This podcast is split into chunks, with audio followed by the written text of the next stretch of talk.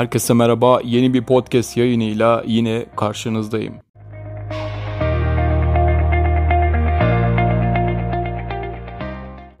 Bu bölümde dijital içerik servislerinden bahsedeceğim.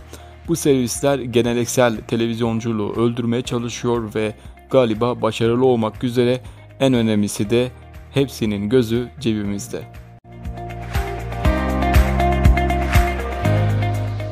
Bu podcast bölümünün konusu streaming savaşları olacak. Aslında bu savaşı ilk Netflix başlattı diye ben biliyorum. Eğer yanlışım varsa kusura bakmayın. Netflix ilk başlarda CD, DVD ve VCD satan bir şirketti yani. Siz mesela Netflix ile iletişime geçiyordunuz veya online olarak sipariş veriyordunuz bir filmi. Netflix bu filmin VCD'sini yasal yollarla size gönderiyordu ve siz izledikten sonra geri gönderiyordunuz. Bu şekilde çalışan bir e, hizmetti Netflix. Yani bir filmi izlemek için kiralıyordunuz yasal yoldan e, ücreti karşılığında filmi izledikten sonra tekrar Netflix'e gönderiyordunuz. Ama Netflix gördü ki artık kimse film kiralamıyor. Direkt online olarak izliyor. Artık e, bu filmler online olarak izleniyor ama yasal yollardan mı izleniyor veya torrentten mi izleniyor? O ayrı bir konu ama Netflix bunu gördü ve dedi ki tamam ben artık online'da film satmaya çalışacağım veya dizi satmaya çalışacağım. Yani ilk önce Netflix böyle başladı ve e, gördü ki çok başarılı oluyor. E zaten Netflix'in ilk başlarda kendine özgü bir yapımı yoktu. Yani şu anki gibi orijinal e, dizi ve filmleri yoktu. E, sonradan e, bu işte yapımlara imza atmaya başladı. İlk önce e, daha önceden bu tür e, özgün yapımları olan yapım şirketleriyle anlaşıp e, filmleri, dizileri veya belgeselleri e, izleyiciyle buluşturdu. Sonrasında kazancına kazanç katınca da artık kendi yapımlarını çeker hale geldi. Şimdi Netflix'in bu yükselişinden sonra birçok şirket gördü ki bu işte para var ve onlar da Netflix'in peşine takıldı. Şu anda e, dünya çapında bilinen birkaç e, içerik serisi var.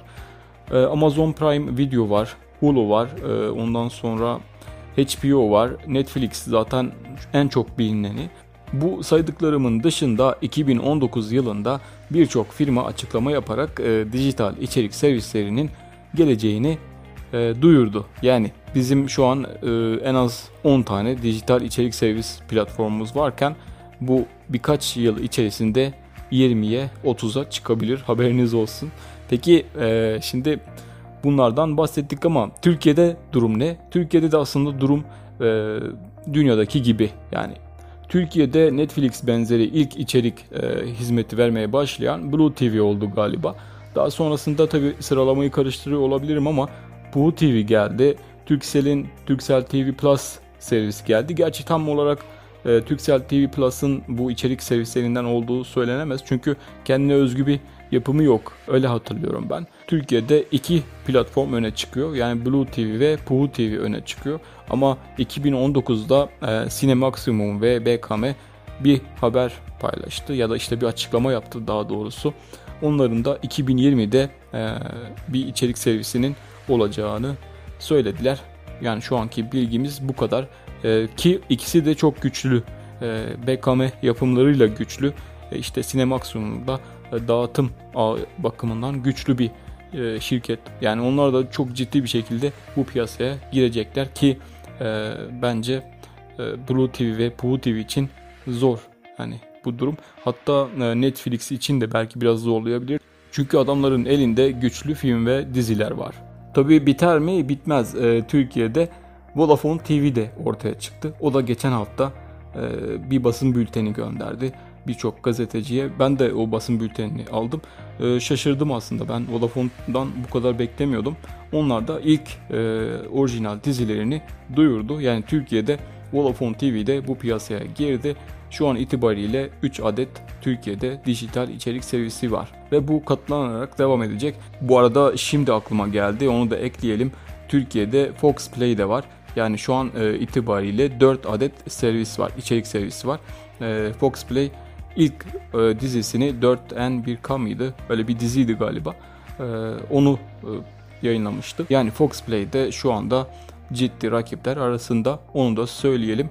Şu anda 4 tane Türkiye'de içerik e, serisi var. Hani dijital içerik platformlarının durumunu buna bakarak düşünebilirsiniz. Türkiye'de bile 4 tane şu an varsa ve 5.si yoldaysa dünyada e, durumun ne olduğunu görebiliyorsunuz. Eminim ki Türkiye'de devamı gelecektir.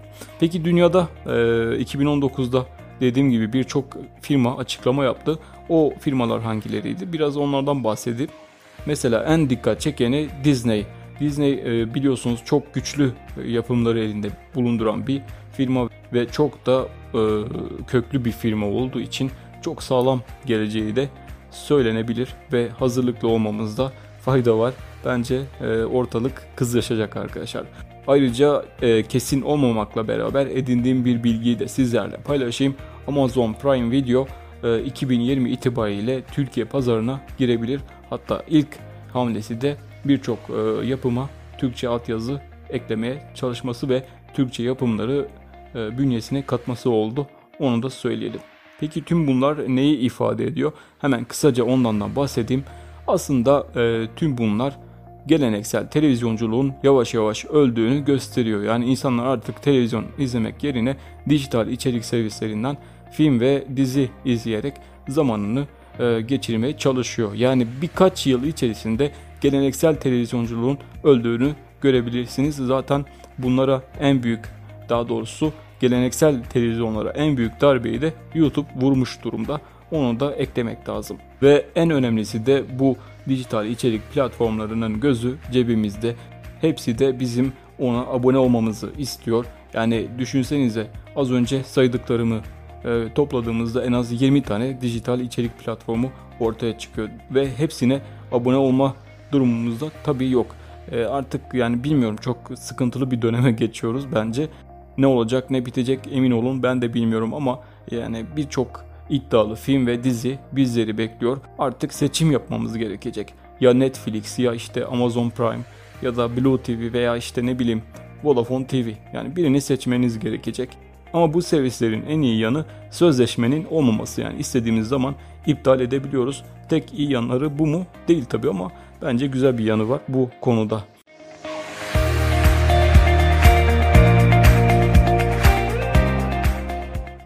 Evet bu bölümde dijital içerik servislerinin artışı, rekabet durumları ve geleneksel e, televizyonculuğa yaptığı darbeyi ele almaya çalıştım.